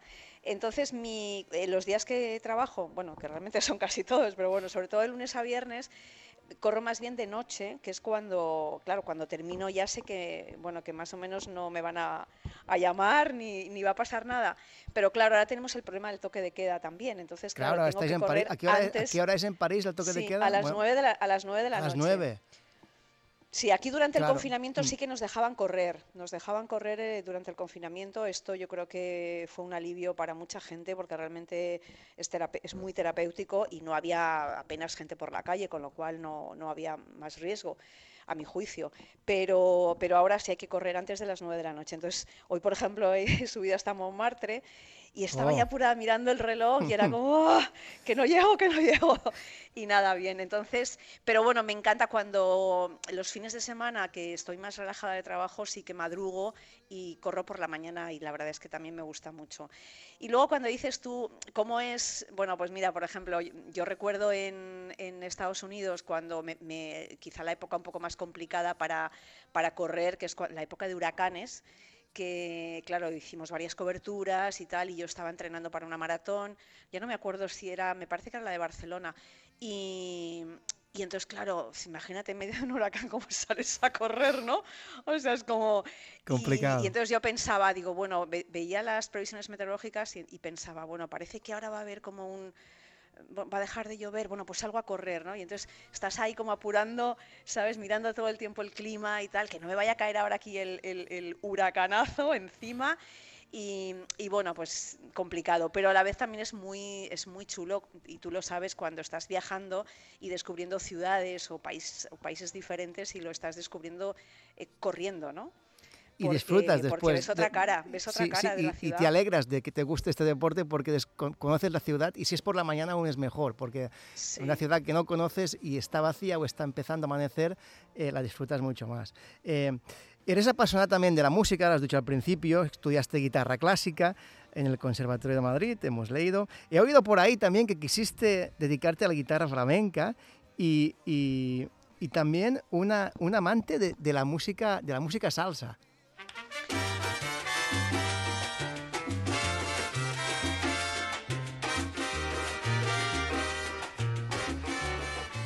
¿Vas corriendo y bailando, bailando a la vez? ¿Cómo, cómo lo haces, Almudena? No, pero, pero toda la música que escucho siempre, cuando te digo siempre, es el 100% de mi tiempo corriendo, es salsa. ¿Siempre? Todas las play- Siempre. Todas las Corriendo playlists. siempre escuchas salsa. Salsa Siempre. puertorriqueña, salsa cubana, lo que sea. ¿no? Salsa cubana, ¿Ah? puertorriqueña, colombiana, de Nueva York, pero siempre salsa. Bueno, igual algún merengue, Mm. pero siempre salsa. Es, la- es el ritmo que a mí me, me invita a correr, fíjate.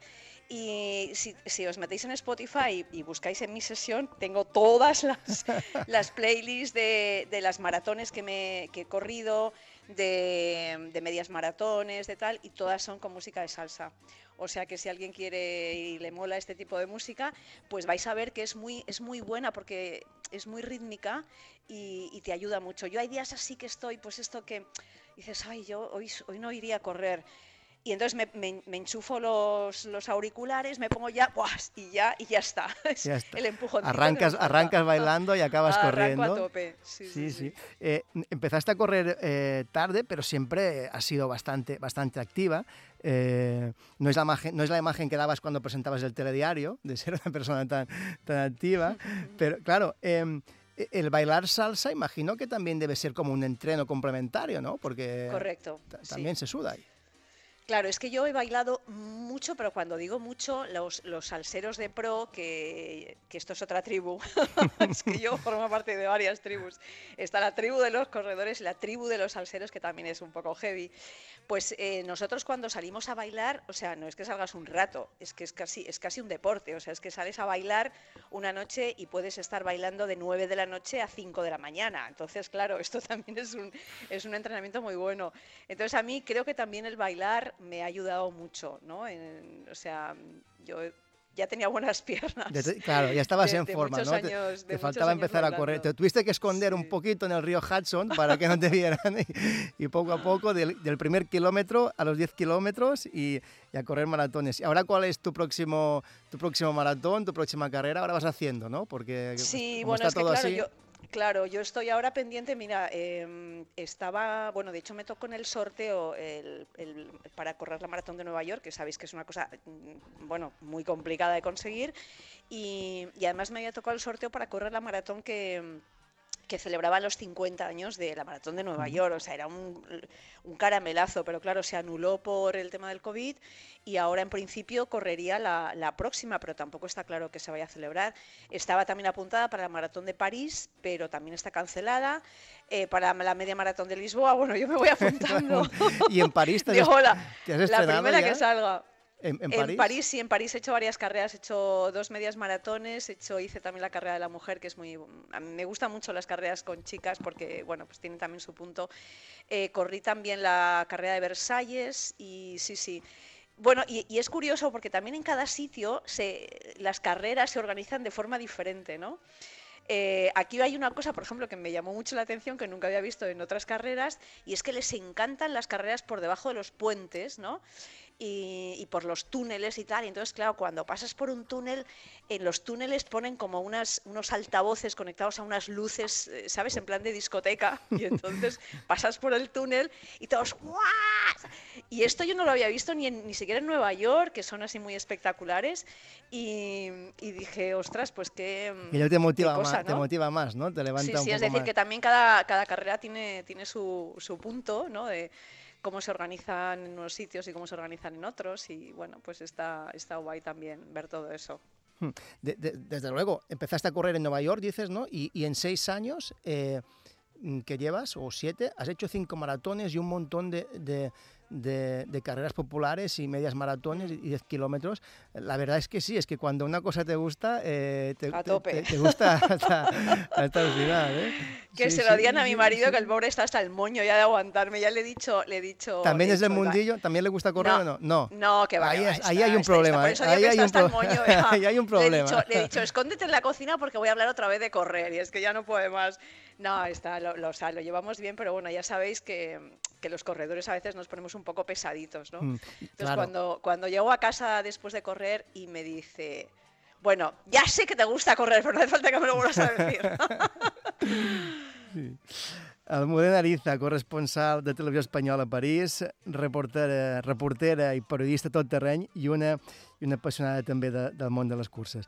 Eh, Almudena, muchas gracias por haber estado hoy aquí en, en el programa Kilómetros. Gracias a vosotros. Ha sido un placer hablar contigo.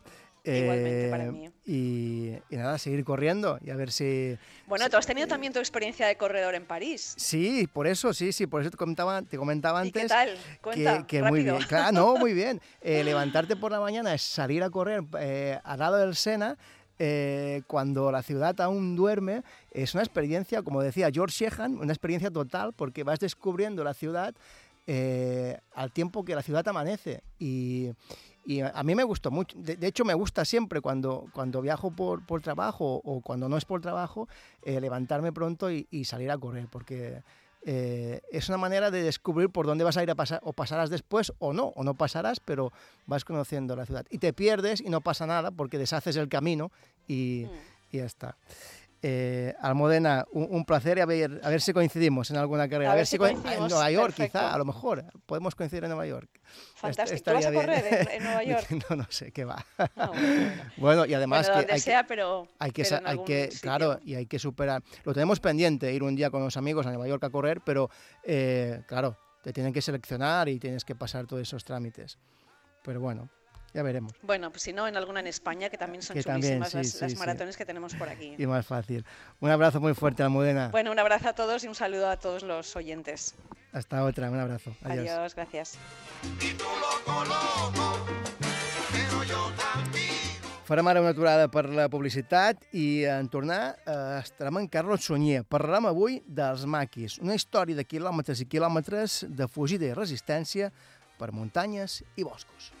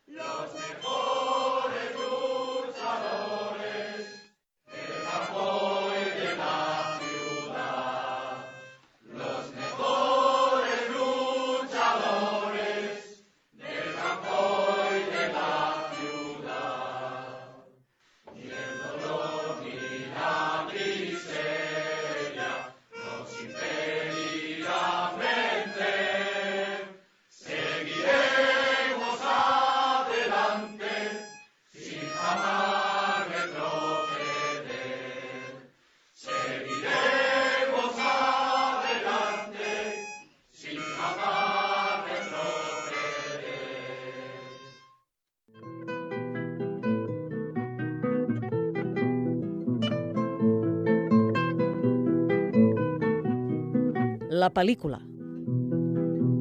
Dicen que la patria es un fusil y una bandera. Mi patria son mis hermanos que están labrando la tierra. Mi patria son mis hermanos que están labrando la tierra. Mientras aquí nos enseñan cómo se Entrem ja al darrer tram de programa. Arriba Carlos Sunyer amb una proposta sembla interessant. Què t'ha semblat, Almudena Ariza, Carlos? Hòstia, total. Jo, jo el que m'ha deixat flipat és això de- d'escoltar de, sempre salsa. Però tu tenies una marató... Estàs dues hores i pico escoltant, Escoltant salsa. salsa i, i, i no ho sé, uh, no saps si corre ballant. Jo crec que te fa arribar més aviat, no? Sí, sí. A vegades tenim aquesta imatge, no?, de les presentadores i els presentadors de, de televisió que no... Sí. I Déu-n'hi-do, en el món Ariza, quina persona i Sí, quina sí, dona sí. més activa. Molt interessant, sí. Uh, Carlos, parlam avui del, de, de, dels maquis. Eh? Una història de quilòmetres i quilòmetres de fugida i resistència per muntanyes, boscos i, i, i terreny no? de tota la geograf- geografia espanyola i part de, de la francesa, també. Mientras aquí nos enseñan cómo se mata en la guerra. Ho hem explicat una, una mica, però, Carlos, qui són, com sorgeixen i quin era l'objectiu d'aquest col·lectiu anomenat Maquis? I, i d'on ve aquest nom? Mira, és molt interessant perquè parlant de fer quilòmetres aquesta gent eh, d'una manera heroica eh, van estar eh, pràcticament tota l'època del franquisme, pràcticament aguantant. Eh, primer de tot, contestant teva pregunta, el maquis ve de, de maquiar, des francès, ve dels cors, que vol dir matois, és a dir, matorrales en castellà. Per què? Perquè es, eh, ells en el principi els primers que se van eh, tirar al monte no? per, per combatre contra, contra el franquisme venien directament de la resistència francesa. Havien estat a la Segona Guerra Mundial durant l'ocupació de França, Sage, que se deia, que eren els, els espanyols que combatien allà, i varen passar a Espanya. Clar, eh, això significava ocupar llocs eh, de muntanya, de, de, de, de boscos, etc, d'Andalusia, de Galícia, d'Astúries, de Catalunya, especial del Vall d'Aran i moltes altres zones. Eh, ells es van trobar en una situació de lluita eh, molt romàntica, molt guerrillera, on l'única alternativa a, a la mort era, era l'exili, o continuar lluitant. Clar, la cosa va complicar encara més quan Stalin es va oposar a, que els comunistes, diguem d'alguna manera, continuassin amb aquesta activitat guerrillera. També va passar una mica en els guerrillers de, de la Revolució Cubana. I encara se li va complicar una mica més quan l'any 56 eh, Santiago Carrillo, Carrillo des, del Partit Comunista d'Espanya, per una reconciliació nacional també va fer públic que era millor deixar aquesta lluita no? per, per futur del país. Tot això aquest caràcter plural, com, com era l'exèrcit republicà, perquè havia de tot, comunistes, anarquistes, etc., els van anar deixant cada vegada més sols. I aquesta lluita romàntica en la natura, a les muntanyes, és, és assombrós. I crec que és important que aturem i, i, i fèiem una, un homenatge en aquesta vida tan difícil que van tenir, en aquesta lluita de Goliat contra David, eh? I, que, i que van estar per ideologia, perquè això és per lluitar, perquè ells només havien de fer uns quilòmetres, anaven a França i ja estaven, no, no, no, no tenien per què seguir amb aquesta situació. És a dir, que és molt interessant. Els maquis sorgeixen com a grup de resistència durant eh, la fi de la Guerra Civil Espanyola, però no es dissol ni molt manco aquest grup, aquest col·lectiu amb el fi del conflicte. No? Eh, oficialment no acaba fins al 1965, durant, durant la dictadura, amb, amb la mort d'en Ramon Vila, cap de vila, de, de sobrenom, de malnom encara cremada, que va ser assassinat el 1963, i en José Castro, de sobrenom el piloto, que va ser assassinat el 1965. Després, després en parlarem d'ells, sí. um, però clar, fins al 65 mm, es fa dos dies i encara hi havia maquis. És que és molt, és que és molt. Eh, hi ha gent que ni s'imagina que l'any 65 encara estiguessin en actiu. Clar, quan van matar el pilot o en, en Castro i abans, com has dit tu, cada, cada cremada, n'hi havia molts més també que estaven, sobretot a Andalusia, Astúries, i estaven a Catalunya i, i continuaven lluitant. És que estem parlant pràcticament de tota l'època eh, dura i no tan dura del franquisme. Eh, aquesta va ser una gran preocupació de, de, del moviment, del moviment nacional. No? De fet, eh, van morir 243 guàrdies civils i van ser ferit 341 en tota la història de la lluita dels maquis. És veritat que quasi van morir 2.000 maquis i que va haver moltes represàlies en tots aquells que col·laboraven amb ells.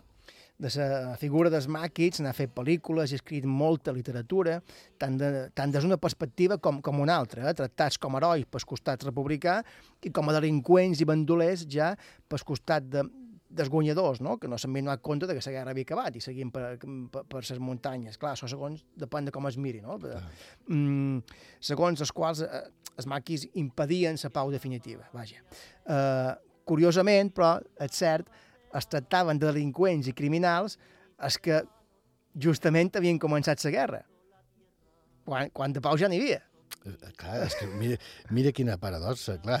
Ells se suposa que eren els bandolers els que impedien que hi hagués un ordre social i una pau, quan l'únic que feien era intentar mantenir l'ordre que ja estava establert abans. Això, els, els traïdors, digueu d'alguna manera, eh, esperen que, que, que, que claudiquin aquells que continuaven mantinguent l'ordre eh, anterior.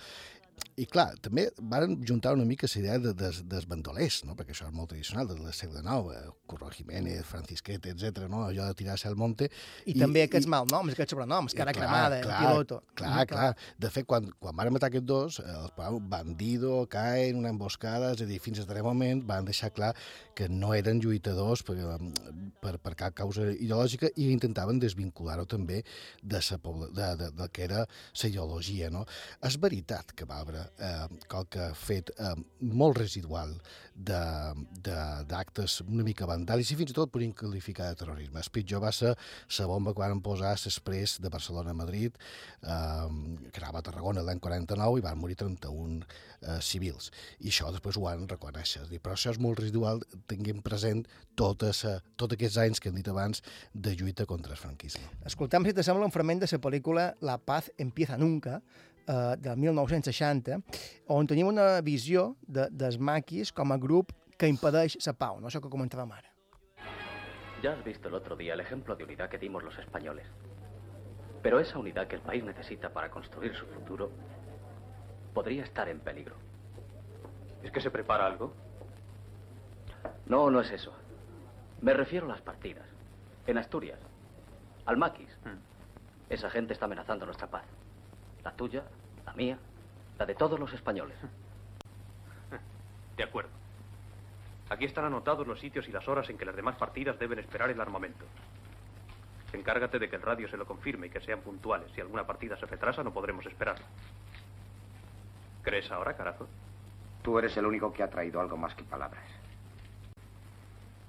Esta es una lucha fea, Mencía. No me gusta. Sé que es un deber ineludible, pero yo he combatido siempre de otra manera. Lo de los maquis hay que liquidarlo para que el pueblo español pueda vivir en paz. És el último rescoldo de nuestra guerra civil. Clar, aquí tenim una lectura clarament franquista, no? Eh, En aquest fragment hi ha tres idees. Els maquis amenacen la pau, Uh -huh. els maquis han d'entregar les armes i l'estat ha d'aniquilar els maquis perquè impedeixen la pau. Sí, i això de que s'ha d'aniquilar els maquis, perquè per això sabeu això, a, a la pel·lícula ho diuen dos que estan, dos eh, voluntaris de la Creu Roja, que estan com a reflexionant, no?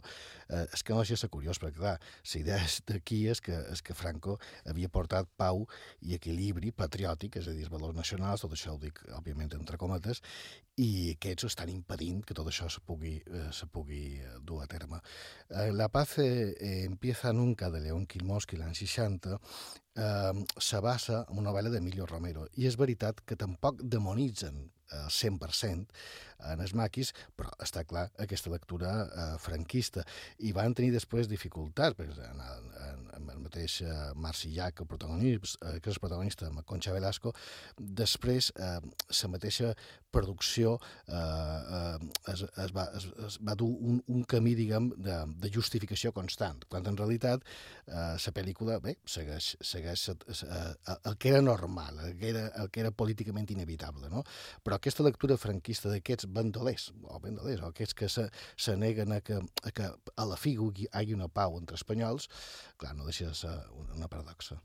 Escoltam ara un fragment de Los días del pasado, de Mario Camus, en aquest cas, pel·lícula del 1978. Són pel·lícules que segueixen un ordre cronològic sí, sí. i així veurem com fins al 2000 encara fan pel·lícules de, de maquis sí, i encara se'n fan. Encara se'n fan. Uh, ens situant també en un poble de, del nord d'Espanya i els, els maquis, qualcuns, comencen a adoptar de l'eficàcia de la seva lluita, de la seva resistència.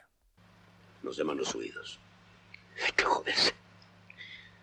Parece que hemos huido aquí a que nos persigan. A correr y a que nos maten como a conejos.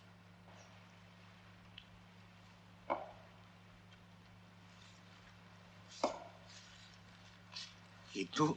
¿A qué crees que hemos venido? No lo sé. Pero me gustaría no enseñarles tanto el culo. Hacerles frente y freírles a esos cabrones. Pepe, yo soy de un pueblo de Guadalajara. Desde que la guerra pasó por allí, yo estoy en ella. Incluso me he chupado otra, que ni siquiera era la nuestra, con este tortolo de vía estrecha. ¿Qué pasa conmigo? Déjame hablar con Pepe y voy a lo tuyo. ¿Qué pasa? ¿Qué hacemos aquí? Estamos, ¿no? Estamos. Eso es. Algún día haremos algo más. Vendrán los que están fuera y daremos la cara. Pero ahora somos muy pocos. Y cada vez que me muevo pienso en la vida de cada uno, en no desperdiciarla. Me conformo con que los de abajo sepan que estamos aquí, que no nos hemos rendido, que la guerra va a durar mucho más tiempo del que nosotros duremos. Si hay que huir, echaremos a correr. Si hay que esconderse, nos esconderemos. Pero seguiremos estando aquí, Pepe. Eso és el que hay que hacer. Estamos? Estamos? O sigui, determinació per continuar endavant amb la lluita i la resistència, tot i que oficialment la guerra havia acabat. Però no acabarà fins que ells no es rendeixin. Clar, i i aquest estamos eh, ho defineix molt bé, perquè, a més, és veritat que sempre va haver l'esperança de que arribaria una ajuda internacional del principi de la Unió Soviètica, que, que no va ser possible, i encara havia un poc l'utopia, que l'utopia sempre està a l'arrel de qualsevol guerriller, de que tots aquells països que havien estat aliats a la Guerra Mundial eh, també podrien acabar intervinguent. Per tant, havia la necessitat d'aguantar, d'aguantar d'una manera molt romàntica, bé, com de Che, no? que el guerriller és la persona que més eh, pot entendre el que és l'amor de manera pura, no? i en- entenem per què ho diu. En aquesta pel·lícula de Mario Camus, que després faria Los Santos Inocentes, que és l'obra mestra, se reflecteix molt bé, perquè a sobre el, el, el, el protagonista no és el, principal guerriller, que és protagonitzat per Antonio Gades, sinó una mestra que cerca el seu nòvio. El seu nòvio eh, és un maqui, i ens excusa, com qui ple com excusa, la mestra d'escola d'aquest poble del nord, és per arribar a trobar que per ser protagonitzada per Napeva Flores, que era na Marisol, que ja sabem tant Napeva Flores com Antonio Gades van acabar militant els Partit Comunista. És a dir, que havia també hagut tota una necessitat, estem parlant de l'any 77, aquesta pel·lícula, no?, de reivindicació d'aquest bàndol eh, derrotat a la Guerra Civil i que en la figura dels maquis eh, eh, se necessita eh, eh, deixar clar eh, la voluntat de, de lluitar contra el franquisme i sobretot record del franquisme. Mm. El tercer fragment que escoltarem eh, respecte als maquis pertany a la pel·lícula El silencio roto, de Moncho Armendáriz, mm, en aquest cas pel·lícula ja del 2001. Eh, aquí oficialment ja no queda rastre d'ells, d'aquest col·lectiu, mm, però la pel·lícula posa de manifest mm, com és, és viure i és resistir a les muntanyes, no? Eh, però també, a la vegada, la duresa de les famílies que són en el poble i saben que tenen aquests familiars eh, a la muntanya i on estan constantment amenaçats per, per la Guàrdia Civil.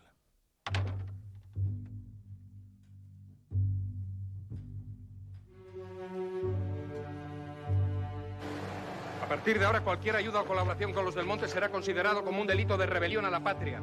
Será castigado como corresponde. Pero no matáis a todos, ya se acabamos de una vez.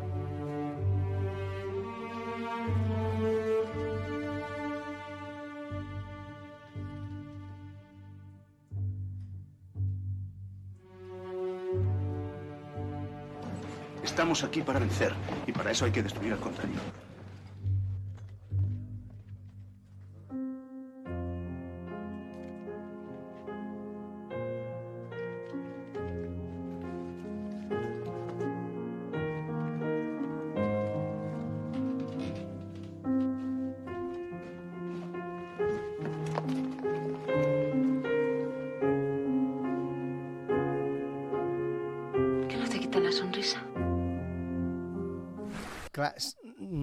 La història col·lectiva de resistència també hi ha relacions humanes, com aquesta que escoltàvem ara, històries d'amor frustrades o impossibles que, que van quedar pel camí. Clar, hi han d'haver moltes. Eh, en aquest cas, el, el que fan és seguir la trajectòria d'una parella. Eh, De fet, ella no té res a veure en tot això. I, i ell tampoc, al principi, que és un ferrer del poble que va col·laborant amb, amb els maquis. I al final ell se fica a la guerrilla, a, de, a, a la muntanya, i ella va darrere. I això està molt bé, perquè, clar, veient aquesta pel·lícula, eh, des de, de fora veiem des dels ulls d'aquesta aldota com era aquesta vida de dura i especialment les represàlies, perquè això est- està molt ben tractat. Pensa que de l'any 45 a l'any 65 es van detenir 18.000 persones eh, com a còmplices o com a encobridors que és, molta gent. Clar, eh, tots aquests poblets de, de, de, de muntanya els, eh, els, de, els ajudaven, però estaven acusats de traïció a sa pàtria, i això és molt dur. La història dels maquis, quilòmetres i quilòmetres de fugida i resistència per muntanyes i boscos. Y montañas, guerrilleros libres van, los mejores luchadores del campo y de la ciudad. Los mejores. Aquest és, ja l'hem escoltat abans, és l'himno guerrillero de los maquis, no? Sí. Eh, mm, ho explica tot, aquest himne. Clar, si escoltem, si escoltem la lletra de Simna és molt evident el que volen i el que necessiten, eh? I, i, i sobretot la voluntat d'entrega a una causa. Mm. Uh, grup de resistència, sorgit durant, uh, ja cap a la fi de la, de la Guerra Civil Espanyola. Uh, la guerra oficialment acaba el 1939, però els maquis continuen amb aquesta lluita i resistència per muntanyes. Mm, al final, Carlos, això era una lluita basada en la fe i l'esperança i de que, ho comentaves abans, de que uns reforços arribarien que mai no van arribar. Sí, i entregar sa vida a, a, a, sa causa i a sa voluntat de veure sa, a, sa pàtria alliberada de, de, de, del feixisme. Um, clar, aquesta gent estava per ideologia.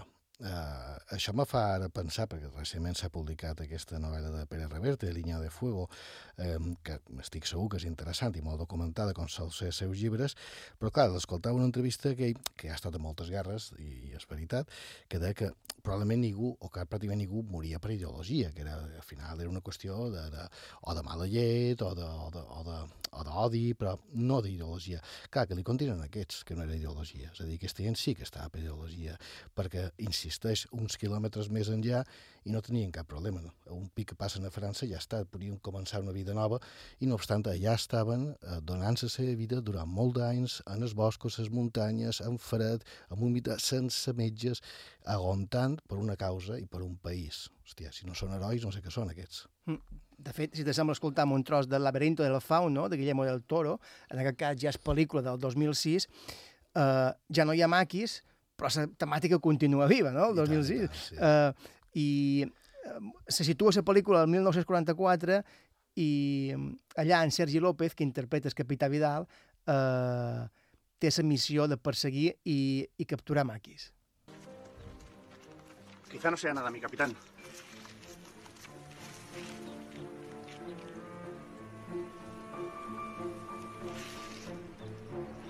Son ellos.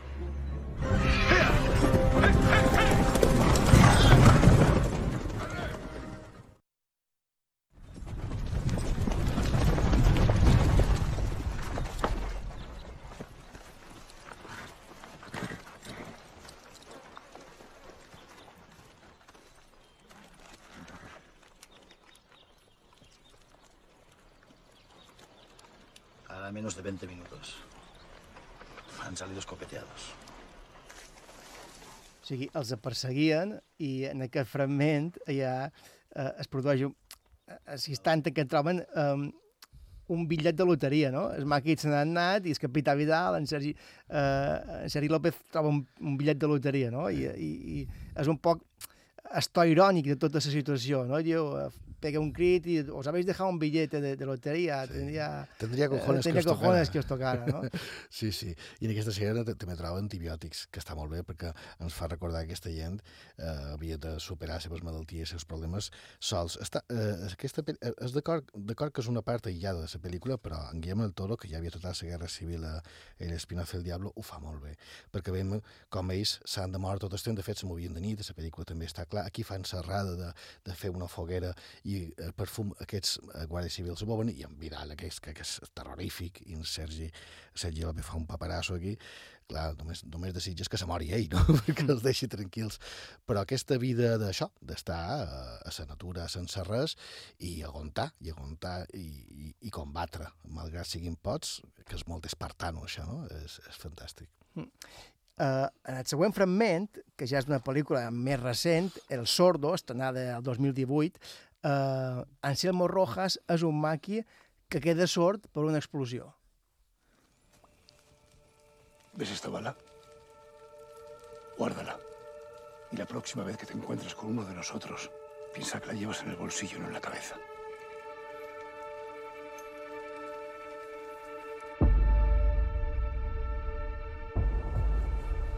En aquest, Anselmo Rojas és perseguit per el capità Bosch, no? Ja veus que el capità Bosch, el capità Vidal, no? Eh, Sí. mm, I una mercenària que és molt cruel, no? Oh, sí, una Dania Sergevich, que se diu, sí.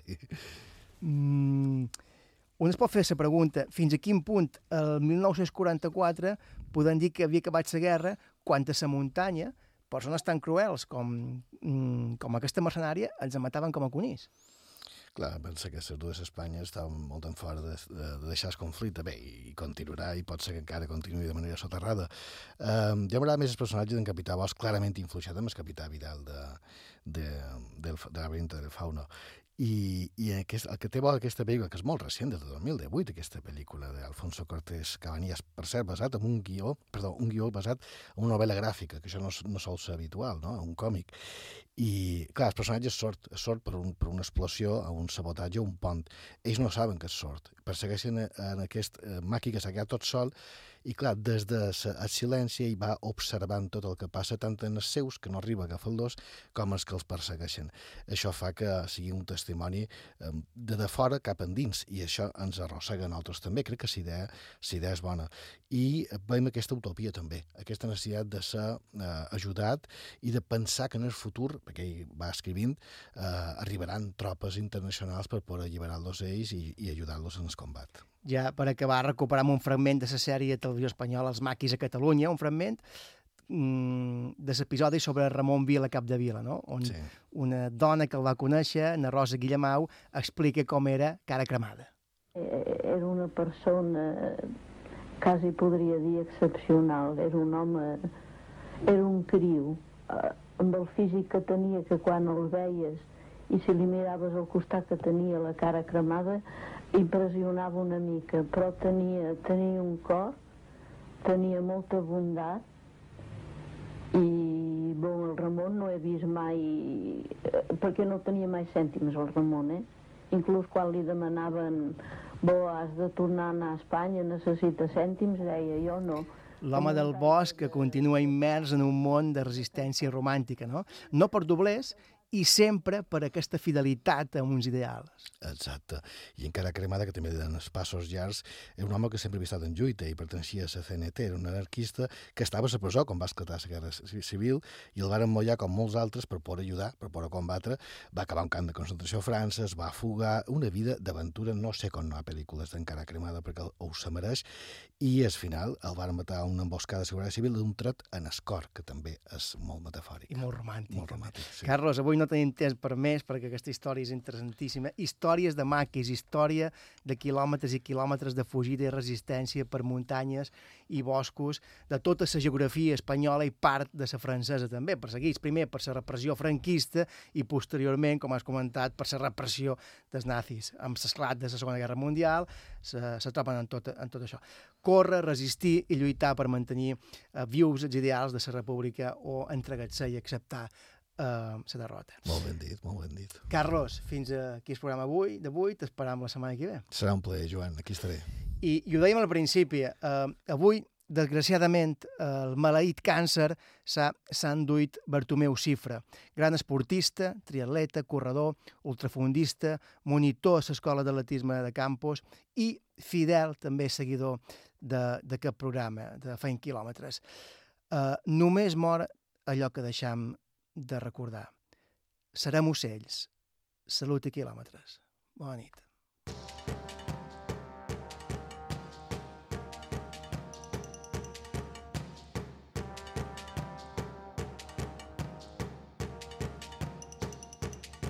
Amunt, si encara hi ets és un plaer haver aguantat la vida amb tu ens ha ajudat al fons en tot és fosc quan ho veiem tot perdut, avui vull ser l'ombra del núvol blanc. Vull sentir que sóc aquí, no miris avall, que tremola el pols, vés-te'n cap amunt. El vol,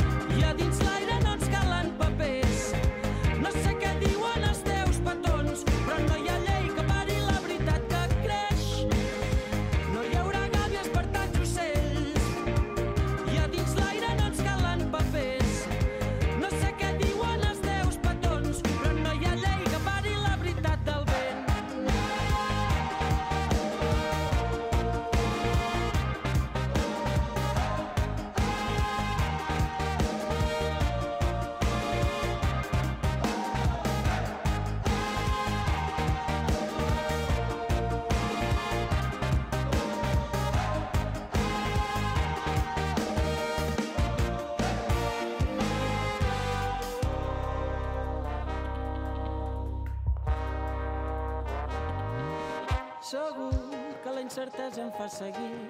Potser no saber en el fons em fa feliç. Digue'm qui podria saber millor que tu. Els cops que has vençut l'angoixa i has viscut per mi. No cal que deixis de fer res. Vull que sentis que ets aquí si algun dia et perds.